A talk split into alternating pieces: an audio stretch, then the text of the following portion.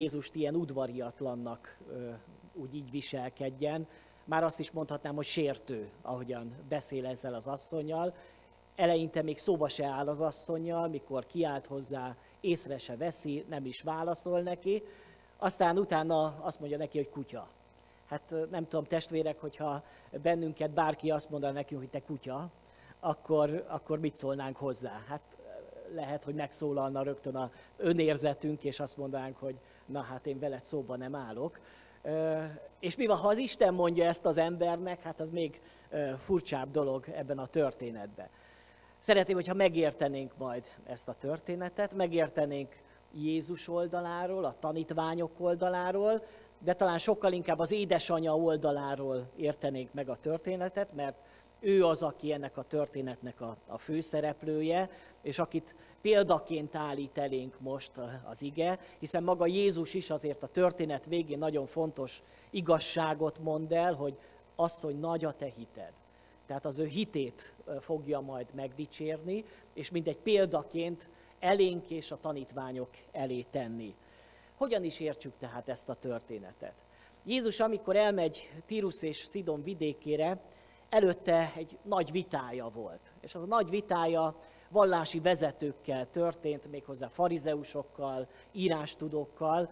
Ezt már-már megszokjuk a Bibliában, mert folyamatosan vitát, vitatkozik ilyen emberekkel Jézus. És most egy nagyon apró dolog miatt kötnek bele vallási vezetők, méghozzá egy olyan dologba, hogy hát nem mosták meg a kezüket. Ugye most mi mondhatnánk azt, hogy hát ilyen apró dolog, hogy megmossák a kezüket, vagy nem. Ez nem csak egy étkezés előtti kézmosás volt ilyen higiéniai okokból, hanem ilyen liturgiai előírás volt, ilyen törvényi előírás volt, és hát azt látjuk, hogy Jézus és a tanítványai ezt, mintha nem tartották volna be. És miről is szól ez a vita, és mi az, amire Jézus fel akarja hívni a figyelmünket, és ami alapján talán jobban megértjük ezt a történetet is, amit itt olvasunk, hogy Jézus korában egy olyan vallásosság vette körül az embereknek az életét, amiből hiányzott az élet. Többször mondta Jézus, és jó volt pénteken imádkozni, az egyik fiatal kértem meg, hogy imaórát vezessen, és azt az igét hozta, hogy ti keresitek az írásokat, kutatjátok az írásokat, pedig azok rólam tesznek bizonyságot. És annyira örültem, hogy ez a fiatal felismerte ezt a nagyon fontos szellemi igazságot, hogy nem a betűben van a lényeg, hanem a személyben, Jézus Krisztusban. De milyen az a vallás, amelyik megmarad a betűnél, megmarad az előírásoknál, megmarad a szabályoknál, de nincs élő kapcsolat az élő Istennel. Meggyőződésem, hogy egy ilyen vallásosságot látunk Izraelbe, amikor rengeteg előírás, rengeteg elvárás, amikor az embereknek megmondják, hogy ha ezeket megteszitek, akkor, akkor jók vagytok, ha nem teszitek meg ezeket a dolgokat, akkor rosszak vagytok, és figyelték egymás életét, és ítélgették egymás életét, és persze saját magukat meg sokkal jobbnak tartották, mint a többiek, hiszen mi azért betartjuk ezeket a szabályokat. Jézus viszont leleplezi ezt a vallásosságot, és rámutat arra, hogy nem ez a hitnek a lényege. A hitünknek a lényege az egy kapcsolat az élő Istennel, a Szent Lélek által, hiszen mi már a újszövetségi keresztények a Szent Lélek ereje által élünk, és van kapcsolatunk, kijelentésünk az Istennel, Istentől, és ráadásul az Isten az ő szeretetét adja a mi szívünkbe, ami alapján mi éljük az életünket. Ha ez hiányzik, akkor a vallás megmaradhat a külső formáinál, de az sokkal inkább veszélyes, mint hogy valami értéket hozna erre a világra. Én azt gondolom, a jelenlegi világunk legnagyobb problémája a vallásosság.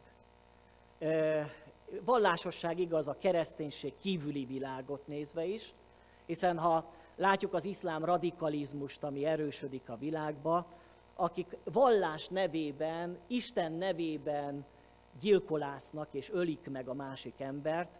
Ugyanezt a radikalizmust látjuk a buddhista világban, a hindu világban, de őszintén be kell vallanunk, hogy ugyanezt a radikalizmust a keresztény világban.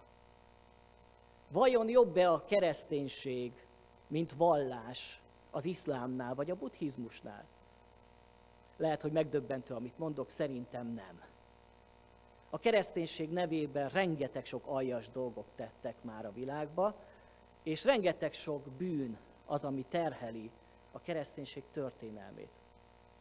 És meggyőződésem, hogy Jézus rá akar mutatni, hogy nem a vallás a lényeg, nem az előírások, nem a szabályok, nem a vallás, hanem a kapcsolat az élő Istennel.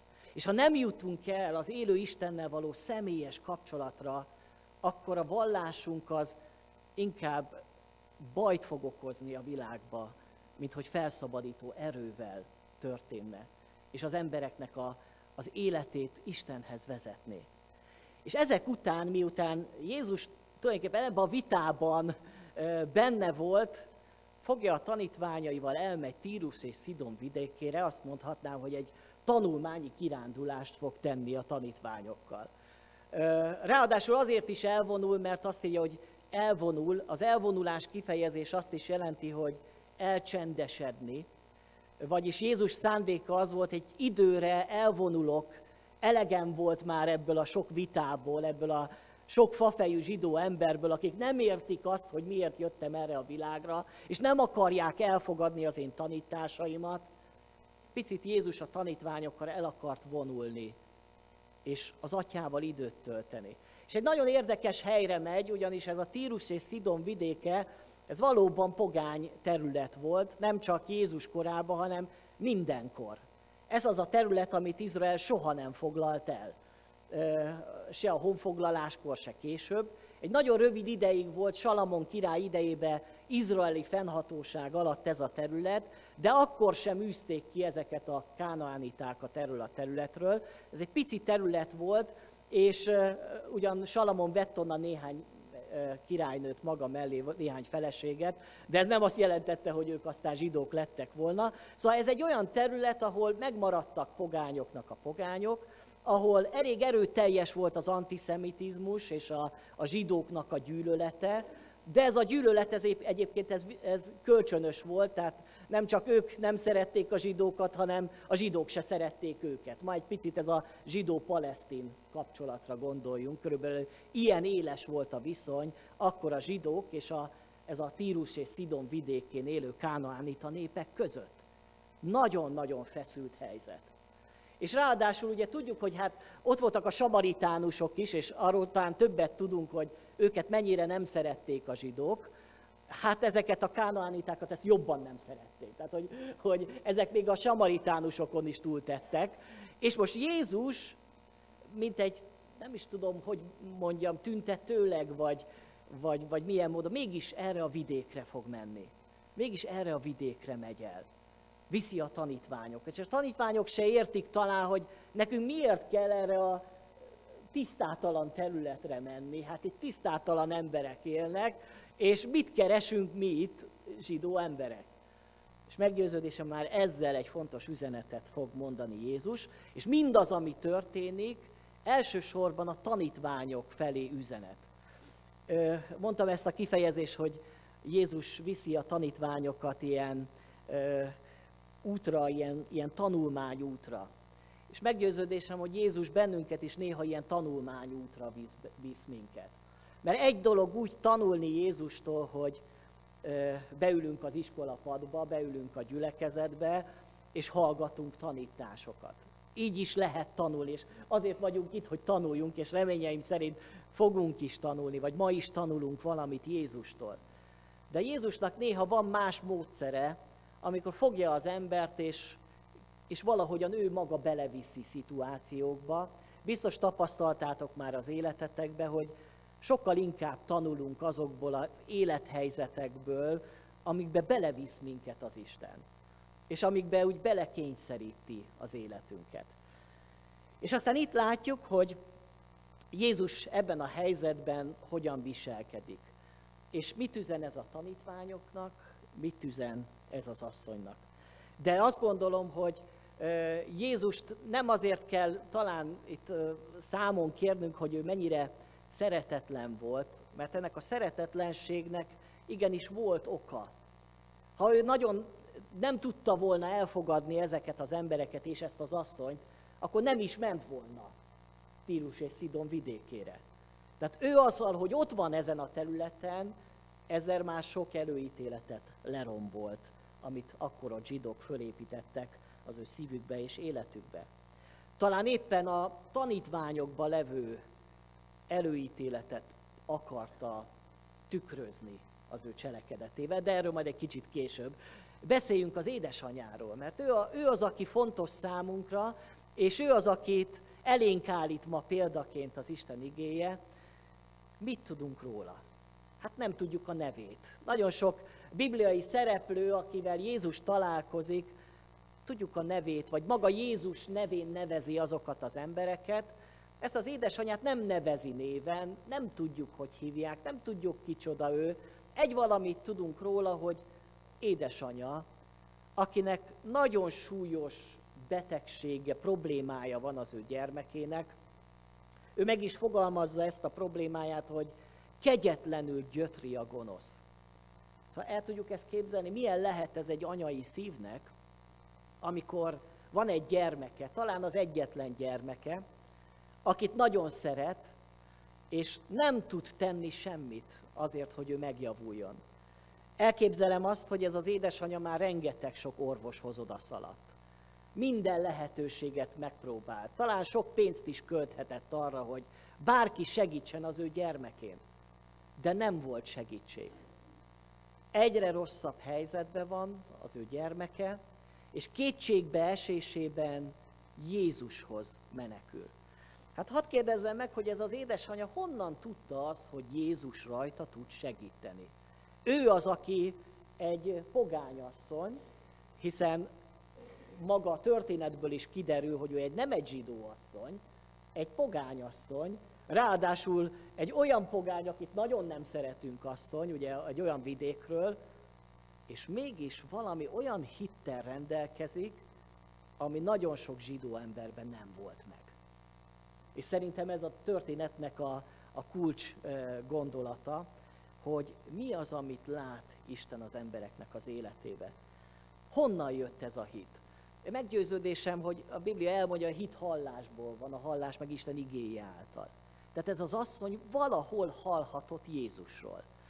Bizonyára azért, mert Jézus bármennyire, ahol jár, tanított, ördögöket űzött, betegeket gyógyított, csodákat tett, és ennek híre ment nem csak Izrael területén, hanem azon túl is. És így juthatott el ez a hír, ez az üzenet ehhez a kétségbe esett édesanyához, és ő nem csak, hogy meghallotta ezt a hírt, és nem úgy gondolkodott, hogy hát beszélnek mindenfélét, ez csak valami plegyka lehet, hanem elhitte. És milyen jó az, amikor a mi életünkben is a hit az az Isten igéjén nyugszik, amikor mi is meghalljuk a, az Istennek a beszédét, Istennek a kijelentését, és az Istennek a kijelentése bennünk hitet ébreszt. És ez a hit, ez meggyökereződik az életünkbe, ebbe bele tudunk kapaszkodni. És aztán, amit látunk, hogy ez az asszony, mivel hite van, ezért közben jár az ő gyermekért. És ez is egy kulcsfontosságú dolog, hogy nagyon sokan Jézushoz a saját problémáikkal mentek, de nagyon sokan közben járó imádsággal mentek Jézushoz, vagyis másokat vittek Jézus elé.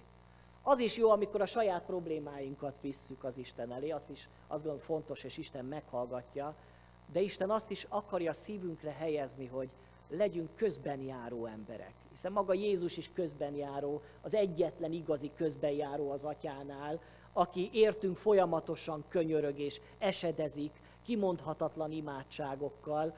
El tudjuk képzelni, hogy Jézus a mai napon is értünk könyörög, értünk imádkozik. És jó ezt tudnunk, hogy valaki közben jár értünk. De mi emberek is közben járhatunk másokért. Sőt, akarja az Isten, hogy mi közben járók legyünk. Ki az, aki érte kész vagy kiáltani Jézushoz?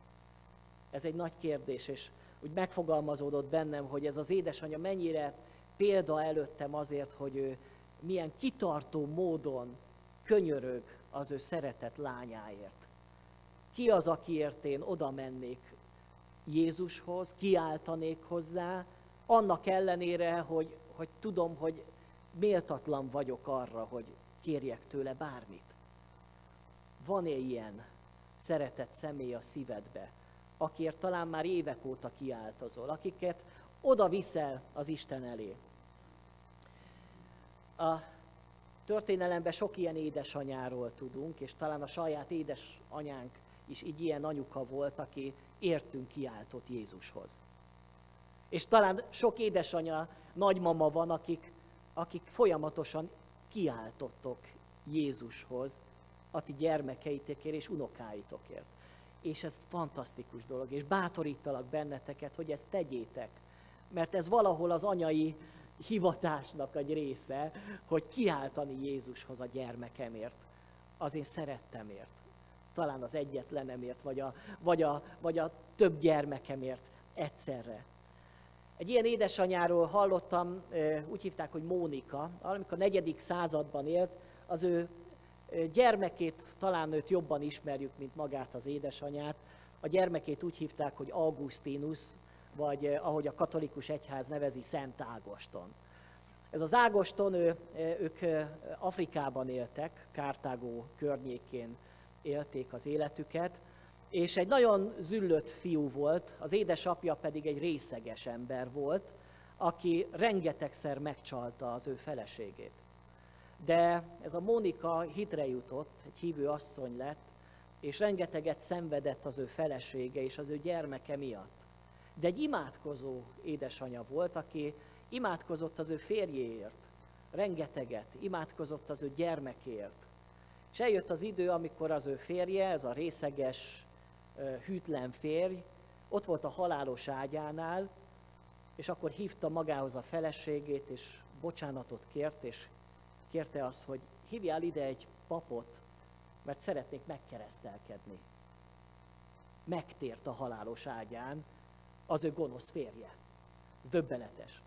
Ezek után az ő fia már ez is megdöbbentette ez a dolog, hogy az ő apukája megtért, de tovább folytatta az ő kicsapongó életét, míg egyszer csak Isten Rómába, amikor oda került, megszólította őt, egy gyermek hang, egy gyermek ének szólította meg, ami azt volt, hogy vedd és olvasd, vedd és olvasd.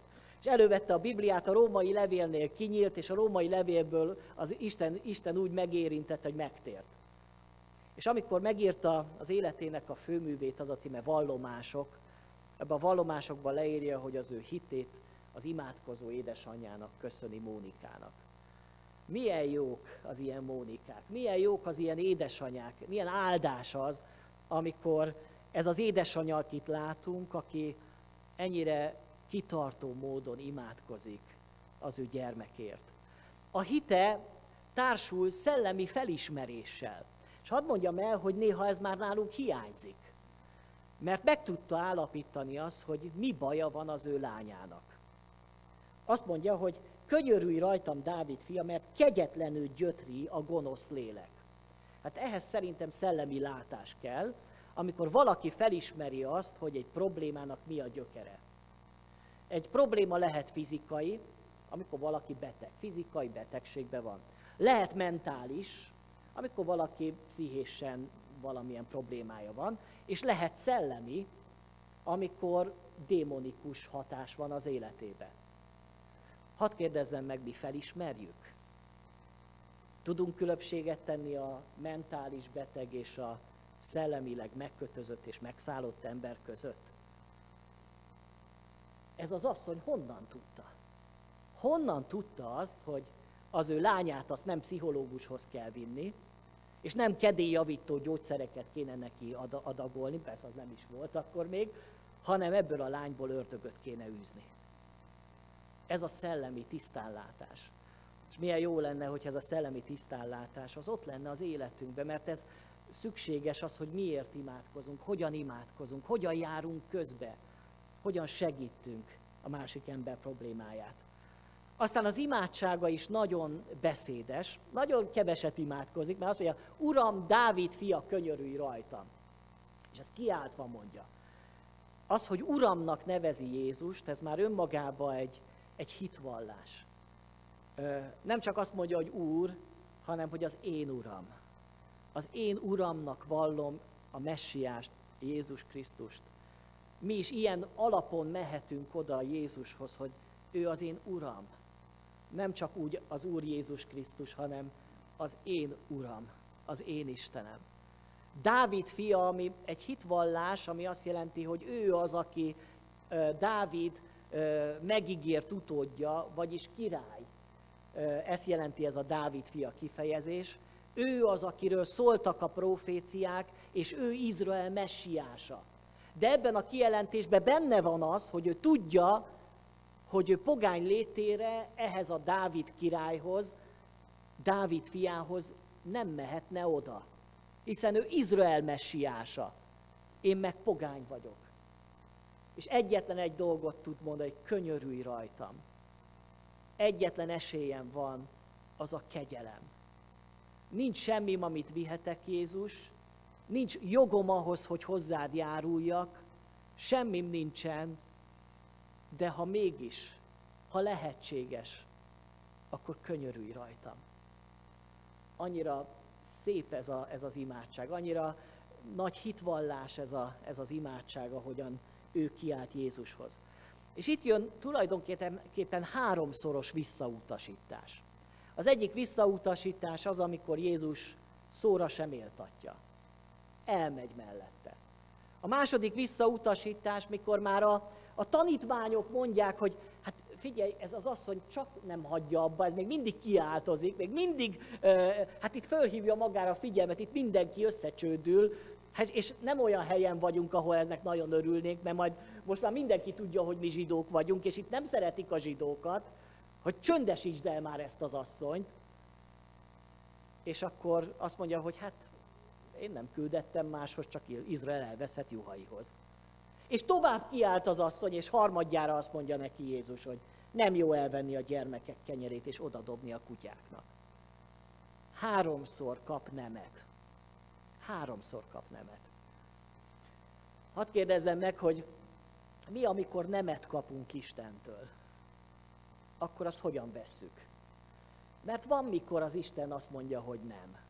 Nem tudom, hogy miért, ez, ez, ez az ő dolga, hát ez, ez, ez ő rá tartozik. De mi ezért nem, a, nem kérhetjük számon az Istent, mert ez az ő szuverén döntése, hogy valamikor azt mondja, hogy most várjál, most még nem.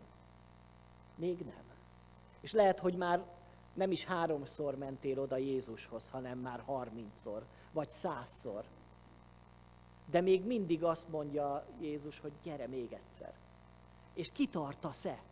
Ez az asszony addig imádkozik, és ezt nagyon jól látni, addig imádkozik, amíg Jézus meg nem hallgatja az ő imádságát. Nem hagyja abba. Ez egy nagy tanulság ebből a történetből, hogy mi is ne akadjunk meg azon, hogy hát már imádkoztam, nem hallgatta meg, akkor most minek imádkozni még egyszer? Kell. Kell imádkozni. És tedd, tedd is ezt, mert erre tanít minket ez a bibliai szakasz. Aztán, amikor azt mondja neki Jézus, hogy nem jó elvenni a gyermekeknek a kenyeret, és odadobni a kutyáknak, akkor ezen azért megsértődhetett volna. Azt mondhatta volna Jézus, hogy én, én csalódtam most benned. Én nem azt gondoltam, hogy te így fogsz engem megszólítani. Hát én, én, a, szívemet hoztam ide. Hát én most kétségbe vagyok esve. Te meg azt mondod rám, hogy kutya? De itt azt látjuk, hogy ez az asszony nem csak, hogy hisz, nem csak, hogy kitartó, hanem van még egy harmadik erénye, és ez a harmadik erény az alázat. És hadd mondjam el, hogy Jézus ezeket az erényeket akarta felmutatni elénk, ezeket az értékeket. Van-e nekünk hitünk? Van-e kitartásunk? És a harmadik, van-e alázat bennünk? Megsértődünk-e akkor, amikor valaki nem úgy bánik velünk, ahogy mi azt szeretnénk? Amikor nem úgy mosolyog ránk, ha bejövünk az imaházba, hogy ahogy éppen rossz napja van, nem tudom, hogy miért, vagy éppen nem köszönt rám, észre se vett, már megsértődtem, hogy hát mi ez van, meg, meg, meg megint mi van. Vagy úgy vagyok vele, hogy ki vagyok én, hogy én megsértődjek. Olyan sok problémánk oka ez a sértődöttség. És ha őszinték vagyunk, akkor megláthatjuk a saját szívünkbe ezt a, ezt a csapdát, hogy beleesünk a sértődés csapdájába. hogy valaki nem adta meg nekem a tiszteletet, valaki nem úgy viselkedett, ahogy én elvártam volna, és haragszom rá. Még ha nem is mondom ki, de valahol neheztelek rá. És milyen jó látni, hogy a hitnek az igazi hősei nem hordozzák magukba a sebeket. Hogyha Józsefre gondolunk, akit a testvérei bedobnak a kútba, és aztán eladják őt rabszolgának. Hát lehet, hogyha élettem volna a helyébe, utána szóba nem álltam volna a testvéreimmel. De utána ez a József fogja tulajdonképpen megmenteni a, gyere, a, a testvérei életét. Szóval nem nehezten rájuk, megbocsát nekik. Vagy Dávid, akinek ott van Saul, és állandóan dárdákat dob, meg, meg, meg halálra keresteti, meg meg akarja ölni. És Dávid nem sértődik meg. Dávid, ha meg, meg, is, meg is ölhette volna Saul többször is, és nem teszi, mert nem hordozza a sebet, a sér, sértődést a szívébe. És így van ez az asszony. Ha te engem kutyának tartasz, akkor én az vagyok. Nem vagyok én több, én tényleg egy kutyus vagyok. Ezzel nem kell megsértődni. Nehogy azt gondoljuk, hogy mi vagyunk a, a világ nem tudom kiei, és, és hogy nélkülünk már a világ sem mozogna. Én kutya vagyok. És be is vallja ez az asszony, igen, én kutya vagyok, de még a kutyusok is. Még ők is esznek a morzsákból. Hogyha te kutyának tartasz, akkor, akkor én megelégszek ezzel a szereppel, de még a kutyák is kapnak. És nekem az a pici kis morzsa is elég. Értitek, testvérek, ezt a, ezt a beszélgetést, hogy miről szól? Hogy az asszony nem sértődik meg, hanem elfogadja, és azt mondja, hogy nekem az a pici is elég.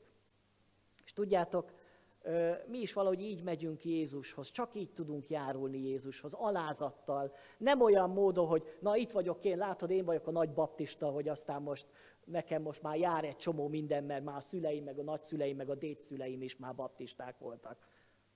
Semmi alapunk nincsen arra, hogy mi most ezt oda mondjuk az Istennek. Csak a kegyelem. És mi csak a kegyelem trónusához járulhatunk, mint kutyák, akik egy kis falatkáért könyörögnek, és egy kis morzsáért. De úgy szeretném azt a morzsát. Testvérek, ti is így vagytok, hogy így jöttetek el erre az Isten csak egy morzsát. Mert azzal már nekem elég, az a pici morzsa már elég, ami, ami lehullik arról az asztalról. És amikor Jézus látja ennek az asszonynak ezt a hitét, tehát hogy van hite, elhitte az igét, tud kiáltani, tud imádkozni, egy olyan környezetbe, ahol nem támogatják egyébként a hitet. Hát hiszen ott nincs gyülekezet, nincs Biblia, nincsen, nincsenek hívő emberek, talán egyedül van ez az asszony, és mégis ez az asszony erős az ő hitében. Hogy kitartó és alázatos. És akkor megadja neki mindazt, amit kér. Testvérek, én azt gondolom, hogy Isten ezeket az értékeket keresi a szívünkbe. Keresi a hitet, az, hogy elhisszük-e, hiszünk-e az Isten beszédében, keresi a kitartást, hogy hűséges vagyok-e, akár a közbenjárásban, az imádságban, és hogy ott van-e az alázat a szívembe, vagy mindenem megsértődök és kiakadok. És hogyha ez így van, akkor Isten azt mondja, hogy akkor most megáldalak. És ezt az egész történetet lássuk a tanítványok szemében, akik jöttek valahonnan egy zsidó környezetből, ahol látták a farizeusokat, hogyan viselkednek. Látták azt, hogy azok a farizeusok hogyan kötözködnek Jézus Krisztussal, hogyan nem hisznek benne, hogyan utasítják el, hogy milyen önérzetük van. És most látnak egy pogány asszonyt, aki hisz, kitartó és alázatos. És mire akarta tanítani Jézus a tanítványokat? arra, hogy ne ítéljetek látszat szerint.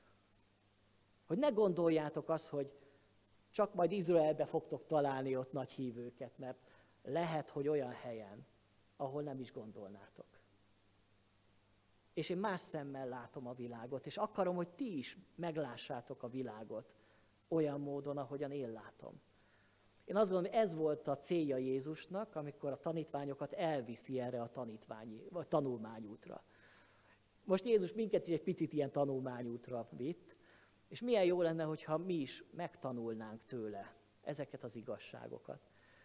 Hát Isten áldja meg az édesanyákat, hogy legyünk olyan kitartók, legyetek olyan kitartóak az imádkozásba gyermekeitekért, és azt gondolom, rájuk fér a gyermeke. Még akkor is, ha már hívő, hívők lettek a gyermekek, akkor is kell imádkozni értük, igaz?